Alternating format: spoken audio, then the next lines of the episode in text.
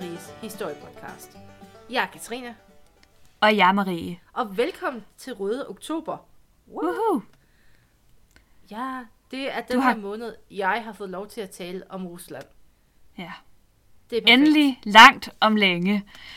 Marie har holdt stærkt ud og sagt, Katrine, vi venter til oktober. Vi venter ja. Til oktober. Og Ingen sådan, Rusland. Åh, Det, du, har været som, du har været som en hund i lænker. Jeg vil bare gerne have russisk historie hele tiden ja. Og i mit ansigt lige nu.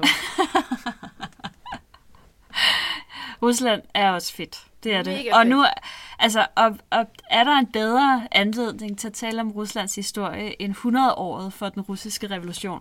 Overhovedet ikke. Nej.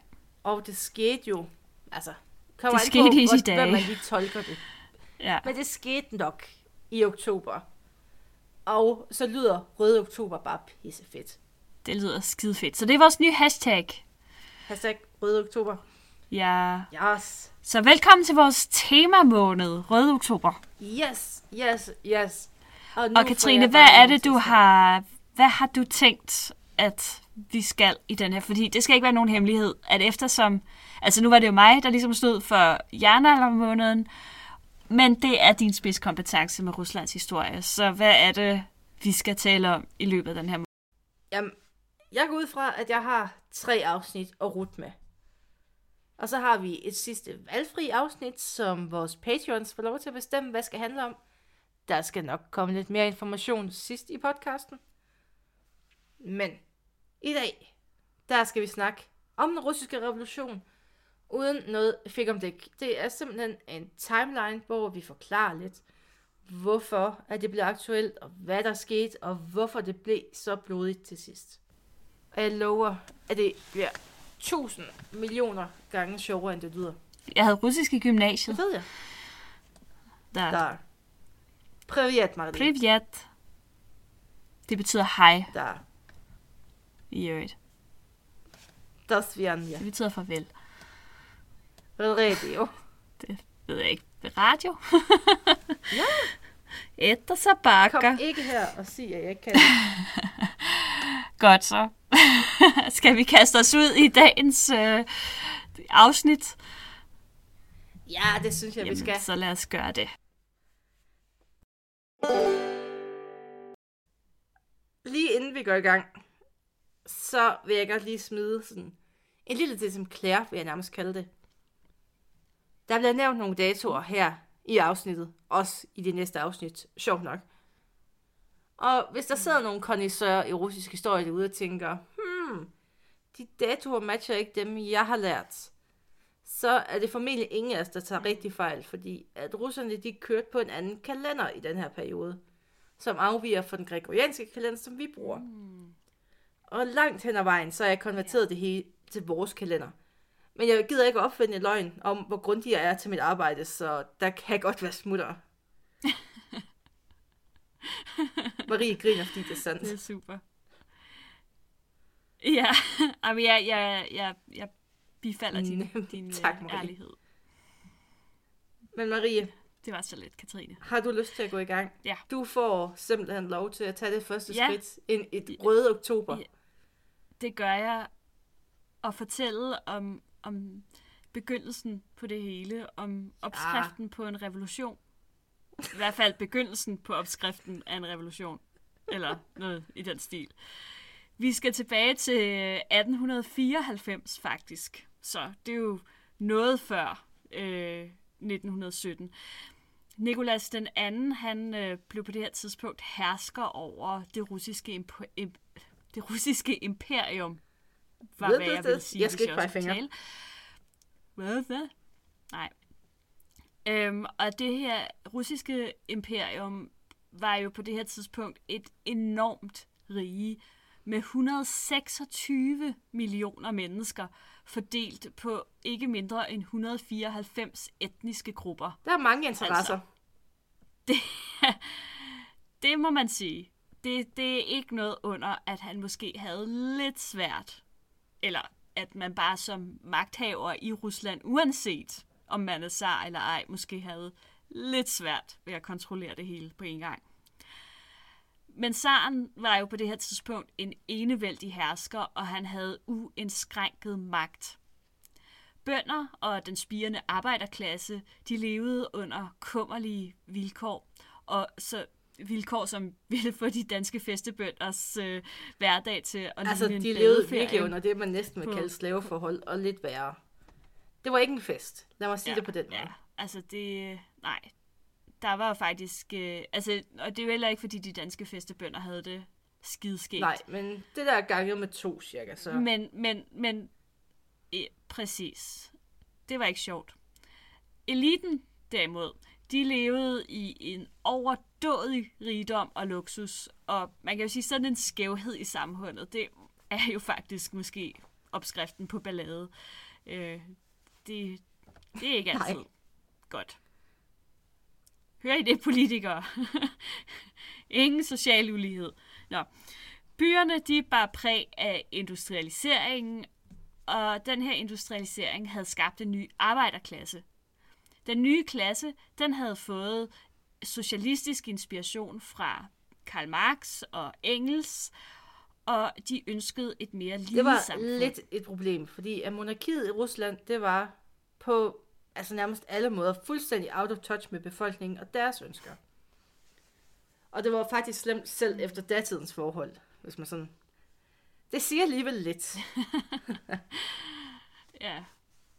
Det var bare mega nederen Også- i også der. på det her tidspunkt. Med mindre man hører til eliten. Ah, de næste- der. altså, Nej, nu skal vi være søde mod Rusland.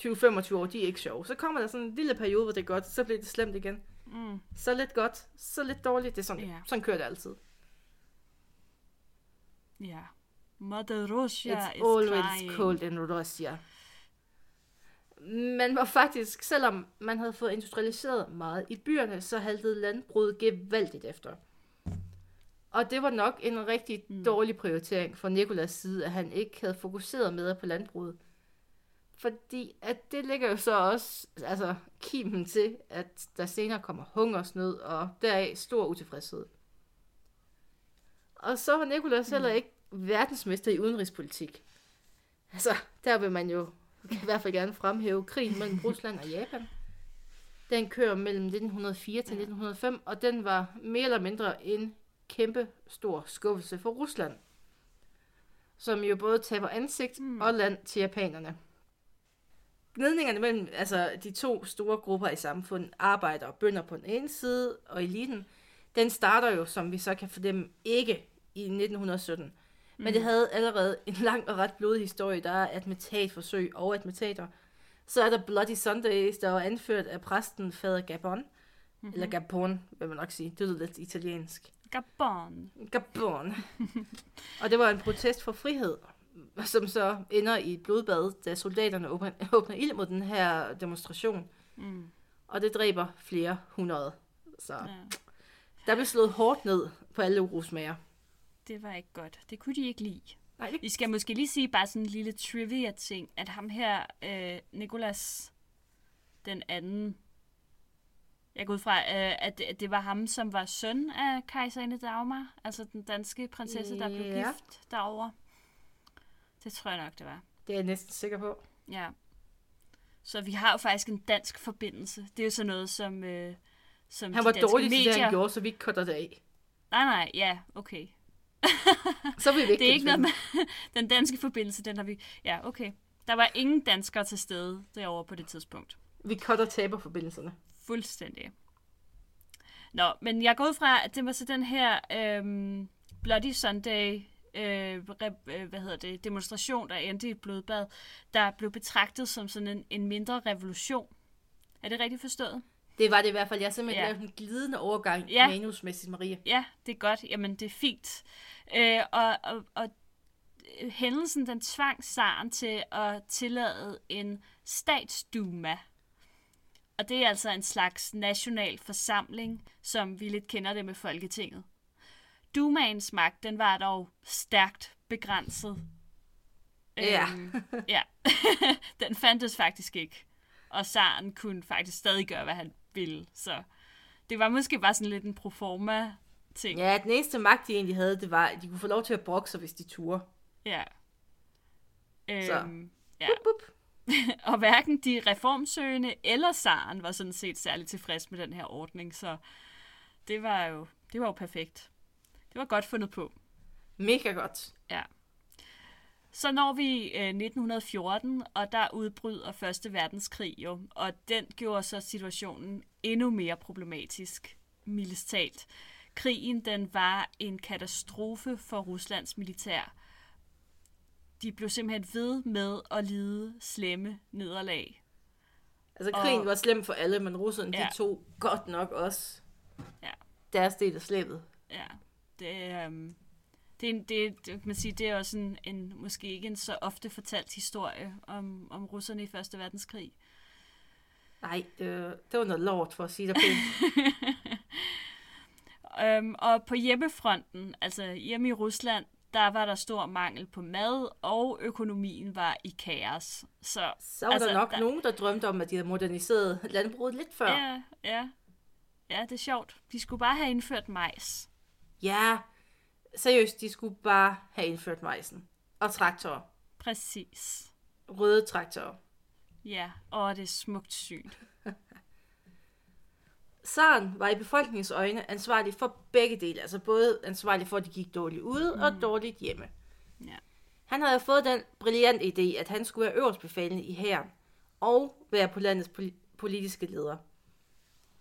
Og han var så lederen, der har stået vejen for reformerne, som folket følte, at det var det, der skulle have hjulpet dem. Ja. Desuden var hans kone Alexandra tyskfødt, og så, ja, så går snakken jo lidt ud i byen. Ja.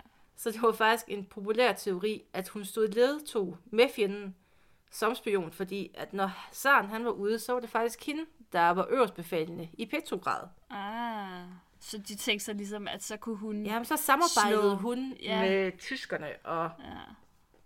Ja. Så det var sådan en, en strategi at slå befolkningen ihjel. Slå Rusland ihjel Nemlig, at det var, ja, det var noget værre noget. og andre rykker, de gik jo så på, at hele Tsar-familien var blevet forhekset af en sibirisk, altså en luskebuks, skråstrej healer, ved navn Rasputin. Mm. Marie, du må gerne synge nu. Du har sunget må for jeg mig godt? en gang. Yes. Ja. Ra, ra, Rasputin, lover of the Russian queen. Det gik der forresten også rygte om. Ja, det gjorde der. Lad du lige mærke til, at jeg gav den russisk sang? Der. Der. Så i 1916, i december måned, der blev han faktisk myrdet, den her Rasputin, af russiske aristokrater, og måske med hjælp fra hemmelige engelske agenter. Det gemmer vi til et eventuelt senere afsnit. Mm. Og det gjorde man for at stoppe hans indflydelse på zarfamilien. Man var jo overbevist om, at det var hans skyld. Hvis det ikke var zaren, så var det Rasputin. Men der var så også mange i samfundet, der altså, de gik sgu lidt og snakkede i hjørnerne, fordi de var bange for, at skaden allerede var sket, og den var uoprettelig. Ja. Og det kan man jo så på sin vis sige, selvom det måske ikke var Rasputins skyld, så var, så var, ja. så var de ligesom der er ikke på vej rigtig ned sådan, på det her Man kan tidspunkt. ikke rigtig redde den herfra. Nej, de var past the point of no return. Så er vi nået til skæbneåret 1917. Woohoo! Øh, den 23. februar, der var der kvindemarsch i Petrograd, som øh, hedder Sankt Petersborg i dag. Og det var hovedstaden i Rusland på det her tidspunkt, mm. ikke sandt? Ja. Jo. Øhm, tusindvis af kvinder, de gik på gaden for at fejre kvindedagen. Den har altså ikke noget at gøre med 8. marts, eller er det det der med kalenderen? Ja, er, mm, det er kalendertingen. Okay, så det er sådan den internationale ja. øh, kampdag for kvinder øh, som så ligger 23. februar i Rusland. Der. Okay. De gik simpelthen ud på gaderne for at protestere imod manglen på brød. Næste dag der fik de selskab af arbejdere og studenter med bannere, der sagde ned med saren. Og soldaterne de fik ordre på at stoppe øh, demonstrationen, men i stedet for, ja, så sluttede de sig faktisk til den. Snedigt. Sarns mænd, de blev arresteret, fængsler og politistationer, de blev stormet, og Sarns mærker, de blev revet ned og brændt. Regeringen havde ikke længere kontrol med hovedstaden, altså St. Petersborg.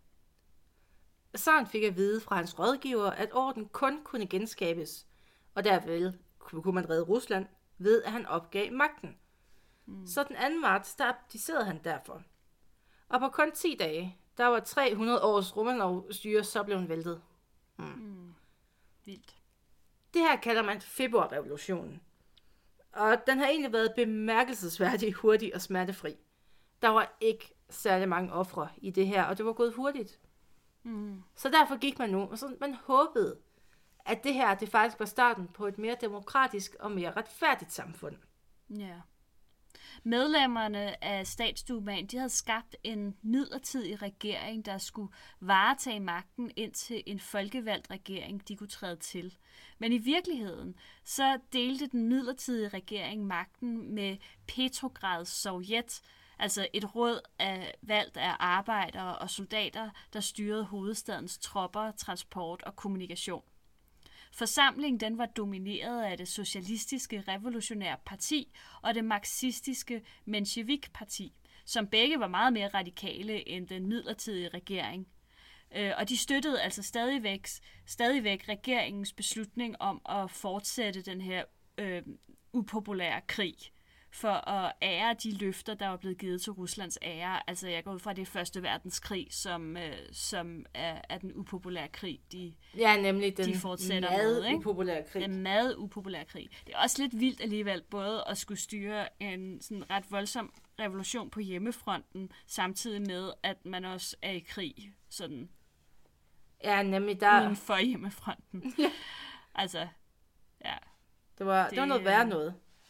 Og så plus, at kongen lige pludselig abdicerer, og ej, det er noget værre råd. det er det altså. Mildest talt. Den her beslutning om at fortsætte krigen, det var nok det, der dræbte de store revolutionære partier. Fordi det var jo pisse upopulært blandt folk. Mm. Men da de så bliver upopulære, partierne, så skaber det rum til en af de mindre aktører, bolsjevikkerne. Uh. Mm. Deres leder, Vladimir Lenin, han var for nylig vendt tilbage fra 16 år i eksil, og han var en bitter modstander af det, han kaldte den imperialistiske krig. Hmm. Han forlanger, at der skal ske en øjeblikkelig redistribution af land fra de rige landejere til bønderne, samt at borgerskabet, altså, de skulle, altså den her midlertidige regering, det var borgerskabet. Ja. Fordi den var jo valgt af folk, der ikke var folket. De skulle overgive folken, eller magt, overgive magten til folket sovjetter, som nu på det her tidspunkt begynder at blomstre op i hele Rusland. Så der vokser mm. en masse små råd op, som gerne vil have magt og hjælp med at bestemme. Bolsjevikerne, deres program, det kan egentlig opsummeres meget simpelt. Det, det er brød, fred og land. Det Brød til folket, fred og land til dem. Og det lyder bare rigtig godt for de her folk, der bor i Rusland på det her tidspunkt. Mm. Fordi at de er sultne, de er trætte af krig, og de vil egentlig gerne have noget land. Fedt nok, hvis I husker tilbage, da vi snakkede om, at de havde det dårligt. Ja. De levede jo vidderligt som slaver og havde ikke deres eget. Nej, Så løftet om, at man kunne få land, det var bare, uh, det gjorde dem glade. ja. Klart. Det at kunne klare sig selv også, og ikke være afhængig eller være underlagt andre. Frihed Nemlig. generelt er jo altid At man ikke skulle god... tjene penge til andre, men til sig selv. Præcis. Altså, det er jo en god gulderod for de fleste folk. Nemlig. Mm. Men imens det her det står på, så i juni, der lider det russiske militær et, altså et katastrofalt nederlag. De indleder en militær offensiv, der resulterer i 400.000 døde og sårede. Puha. Og det er som om, at hæren bare altså desintegrerer på det her tidspunkt. at dem, der er tilbage, de skal kraledende ikke være med til det her længere. Så de deserterer, og dem, der stadig bliver, dem, der ikke er kloge nok løbe væk, de har bare ingen moral tilbage. Fedest. Det er, en, det er bare det hele, det falder bare fuldstændig fra hinanden. 400.000, men det er altså også meget mist. Det er temmelig mange mennesker. Det er det. En måned senere, altså i juli, der begik soldater og sømænd i Petrograd mytteri. På gaden der fik de støtte fra arbejdere med bolsjevistisk støtte. Tropper lojale til den midlertidige regering, de åbnede ild mod protestanterne og fik opløst demonstrationen. Politiet slog derefter hårdt ned på de bolsjevistiske ledere med arrestationer. Herunder blev den senere temmelig kendte Trotsky også arresteret. Lenin han fik hjælp af en anden kendis, nemlig Stalin, øh, til at flygte ud af øh, Rusland og flygte til Finland med forfalskede papirer. Han fik øh, det lækre navn øh, Konstantin Ivanov. Mm. Ingen gætter det, Lenin. en socialist ved navn Alexander Kerensky, han blev Ruslands nye premierminister. Han blev, altså, hvem, hvad man sådan kan kende ham for, det var, at han var, sådan, han var ret veltalende. Mm. Det var det, han var, og så så han også flot ud. Det, var, det skal han skulle have. Ja. Han blev hyldet som manden, der kunne redde Rusland fra totalt anarki. Ja. Han fik udnævnt en ny kommandør til hæren. Det var general Kolinov, Kolinov. Og han var overbevist om, at landets krigsindsats den blev undermineret indenfra af kaoset på hjemmefronten og saboteret af mænd som Lenin. Og Lenin, ham får han jo så også erklæret for tysk spion. Nej, Jo, han kunne dele med ikke lide Lenin. nej. I august, der beordrer han så sine tropper til Petrograd for at genskabe orden. Det er sådan sejlet lidt derop efter kvindemarsen. Bolsjevikerne, de spiller så nu en central rolle i forsvaret af byen, og i at slå det militære kup tilbage. Mm. Den bedste, altså deres bedste organisator, Trotsky, han bliver så løsladt fra fængslet igen. Og han kigger så ud på byen, og så får han egentlig ordnet det sådan, at bevæbnede bolsjevikker, de bliver sendt i gaderne, og de skal forsvare nøglepunkter. Og den her glade flok bevæbnede bolsjevikker, dem kalder man sådan lidt i folkemunden den røde garde. Mm-hmm. Mm. De får så lidt hjælp fra deres øh, gode kammerater. Ja. Fordi at i jernbanebranchen, altså jernbanen, den skulle jo bruges til at flytte tropper. Mm. Der var de jo egentlig også meget bolsjevistisk overbeviste. Så derfor forhindrede det egentlig Kolinov i at flytte sine tropper. Og så står hans soldater der. De bliver så ikke hverken flyttet frem eller tilbage. Så mange af dem, de når faktisk at skifte side, eller endnu mere simpelthen rejse hjem. Fordi de gider sgu da ikke at stå der og vente. Nej. Og den her omgang, det stempler jo så bolsjevikkerne som revolutionens redningsmænd. At det er dem, der simpelthen tager affæren, når Rusland er i fare.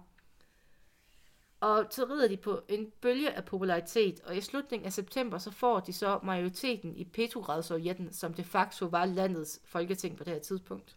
Mm. Og altså, jeg tænker lige, jeg stiller lige et opklarende spørgsmål her. Stil. Ja, fordi jeg tænker sådan, okay, nu er der blevet nævnt sådan ret mange forskellige partier, men, men det lyder som om, at vi jo, der, der er socialisterne, Ja. de er jo, altså, hvor langt ude på venstrefløjen er de egentlig? Fordi jeg tænker sådan, altså bolsjevikerne, de er meget langt ude, og så er der også mensjevikerne. Hvad, ja. hvad er de tre, altså, hvor, ved du det? Det er sådan grader af, hvor glad man er for kommunismen, og hvor Ja, okay. revolutionær man er i det. Og bolsjevikerne, det er de simpelthen, det er de allerrødeste. Ja, det er sådan... De er sådan meget langt ud. Eller, Skal, det er hvis de man så, nu skulle lave sådan sætte det lidt på spidsen, kunne man så sige, altså uden at der så i øvrigt er noget øh, sammenfald imellem øh, ideologi og så videre, men at socialisterne, det er sådan Socialdemokratiet, og så mensjevikerne, det kunne være sådan noget SF, og så, øh, og så bolsjevikerne, det er enhedslisten. Ja, altså sådan i sådan, sådan den- hvis man den- meget groft skulle sætte det op med noget, vi forstår herhjemme, så ja. Ja, ja, og det, det er sådan noget, jeg godt kan.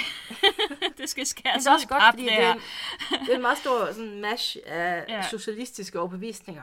Ja, Sådan, vil man gerne omfordele land? Hvordan har man det med religion og hele Ja. den der? ja, Bolsjevikerne, de var jo så dem, der gik ind for, at alt jord skulle omfordeles, og Gud findes ikke, og mm, hele misæren, som vi kender senere i Sovjetunionen. ja, så det er dem, det var dem, der vandt revolutionen, kan man sige. Ja, bolsjevikerne, det er dem, der tager... Ja. Det kommer du faktisk til at fortælle det- om lige nu. Det gør jeg. Fordi øh, i oktober, der besluttede Lenin, at tiden den var inde. Han vendte tilbage fra Finland til St. Petersborg og begyndte at planlægge en magtovertagelse. Den 25. oktober, der lavede de deres træk. Den røde garde og loyale tropper, de besatte nøglepunkter i Petrograd, eller altså St. Petersborg. Og om natten stormede de den midlertidige regerings hovedkvarter i Vinterpaladset. Det her, den her begivenhed, den blev central i den bolsjevistiske mytedannelse. Det er sådan øhm. deres skabelsesmyte. Ja, Og det er sådan, den bliver forevet af Eisenstein, der laver en fantastisk film, hvis man kan komme tæt på den. Mm. Og malerier og skuespil om det, det, uff, det er vigtigt. Jamen, det, det er skabelsesmyter jo gerne. Ja. Så var der jo ham her, øh, Kerensky, øh, den, den lækre fyr. Han var jo så socialist, eller hvad? Han, han var, det var ham, der var leder af den midlertidige regering. Ja. Eller har, jeg har, ja, Han var det- det er- socialist. Ja, det her er jo også nyt stof for mig. Jeg er jo bare arkeolog, så bær over med mig. Jeg bærer Maria. Jamen, altså, der findes ikke dumme spørgsmål, der Nej, findes kun dumme Det svar. er det, præcis. Vi kan øh, vi skal have en spørgeteam til folk. Ja. Øh, Kerensky, han flygtede fra byen i sidste øjeblik og blev næsten fanget. Næste dag ved den anden russiske kongres, der annoncerede Lenin, at den midlertidige regering var blevet afsat. I de følgende måneder, der konsoliderede bolsjevikkerne magten, imens de kæmpede en brutal borgerkrig mod de kontrarevolutionære, altså de hvide modsat de røde, den røde garde, øh, og de hvide, de havde udenlandsk støtte. Nogle af de hvide, de ønskede at genskabe sardømmet og putte Nikolas tilbage på tronen. Men hvor var han egentlig blevet af, den gode zar? Eller tidligere zar. Han var jo abdiceret. Ja. Ja. Efter han blev abdiceret, så blev han og familien bevogtet. Og nu kommer det til det russiske. Jeg har givet mig selv det den her gang. Ja. Men det hedder Tashkoy Selo, lidt uden for Petrograd. Ja. Hvor de egentlig hyggede sig meget godt i starten. Der var havearbejde og andre sådan nogle små huslige gøremål, man kunne hygge sig med. Hmm. I sommeren Altså, det var vel 1900 nærmest sådan noget husarrest, de var i, ikke? Ja, sådan en, en hyggelig form for husarrest. Ja.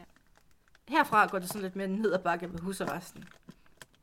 I sommeren 1917, der blev de sendt til Bolets, øh, til Sibirien, hvor at de levede under husarrest igen, og den her gang i guvernørens palæ.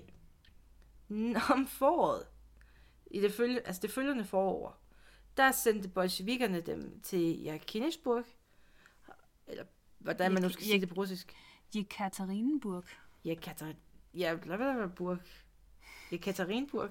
Ja. Og i juli, og det er så, nu er vi jo kommet til 1918, Ja. imens de hvide, de nærmer sig byen. Det er sådan, på, fordi de vil gerne ind og befri zarfamilien. Hmm.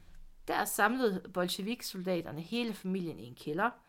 Både zaren, konen, som I har snakket om, Mm. Alexis, deres søn, Olga, Tatiana, Maria og Anastasia, plus fire tjenere, og så henrettede de dem alle sammen. Mm, Og- ja. Altså, det lyder jo ondt og kynisk. Men det var jo fordi, at man ikke ville have, at de hvide fik fat i dem og befriede dem. Fordi så ville de jo have et samlepunkt i den her krig. Mm. Og det kunne jo være, at det ville få en form for folkelig opbakning. Jeg synes stadig, det er en kynisk beslutning, men okay, fra sådan et meget kynisk, strategisk synspunkt, der giver det selvfølgelig mening. Jamen, så er det jo bare om at få samlingspunktet væk. Ja. Og selv hvis man har sendt dem til udlandet i en eller anden form for eksil, så havde det jo også skabt problemer. Det Mm. gjorde Lenin jo også selv, da han blev sendt i eksil nogle år senere. Ja. der var han jo heller ikke sådan så højt elsket hjemme i visse dele af Rusland. Og det var også derfor, man tog ud og få ham dræbt. Fedt. Ja, ja, sådan løser man jo problemerne. Ja. Så det er den bedste løsning på alle problemer. Bare slå folk ihjel. Jamen, det gør de jo meget. Altså, det var jo the OG modstander. Det må man sige. Det er, det er løsning på mange problemer. Nå, men borgerkrigen, det var en af de mest øh, blodige konflikter i nyere tid. To millioner soldater mistede livet. Samtidig så gjorde tyfus og hungersnød det af med omkring 9 millioner civile. I 1921 der stod bolsjevikkerne til at vinde, og under Lenins kompromilløse lederskab, så, øhm, som gik de efter at skabe en ny socialistisk orden i Rusland. Sovjetunionen den blev grundlagt i 1922, og den voksede sig jo herfra til en stærk supermagt, som kom til at præge historien helt frem til 1991. What? Det var så godt. Ja, Og næste gang, der skal vi så dykke lidt mere ned i revolutionen. Nu har vi taget et, et hurtigt overview. ja, Der er del med meget mere, vi kunne tale meget mere om. ja. Borgerkrigen, forsvaret af Petrograd. Oh, der, er, der er for lidt tid, Maria. Vi er nødt til at lave en Ah, daglig men- podcast. Vi kan sagtens. Vi laver dem bare ekstra lange. Det er ikke noget problem overhovedet. Du er en modig kvinde. Ja, Ej, det her, det der er var også, den altså, hurtige, sådan overblikket. ja, Nu ved I, hvad der sker mm, derude. Og herfra så bygger vi på. ja, Nu har vi basen, og Mm. nu kan vi så nørde ned i forskellige emner. det bliver rigtig, rigtig godt. Og, Jeg øh, er så lykkelig. Ja, men det, det, øh, det kan I bare glæde jer til. Og vi har faktisk alle mulige lumske planer. Har vi ikke også? Jeg Fordi- har kun lumske planer. Ja, fordi øh, det er snart, det er snart efterårsferie. Ja. Og, øh, og der, har, der har vi to en date. Og, og vi, skal, vi skal være sammen ude i, det virkelige, ude i den virkelige verden. Det er sådan, der sker en eller to gange i året.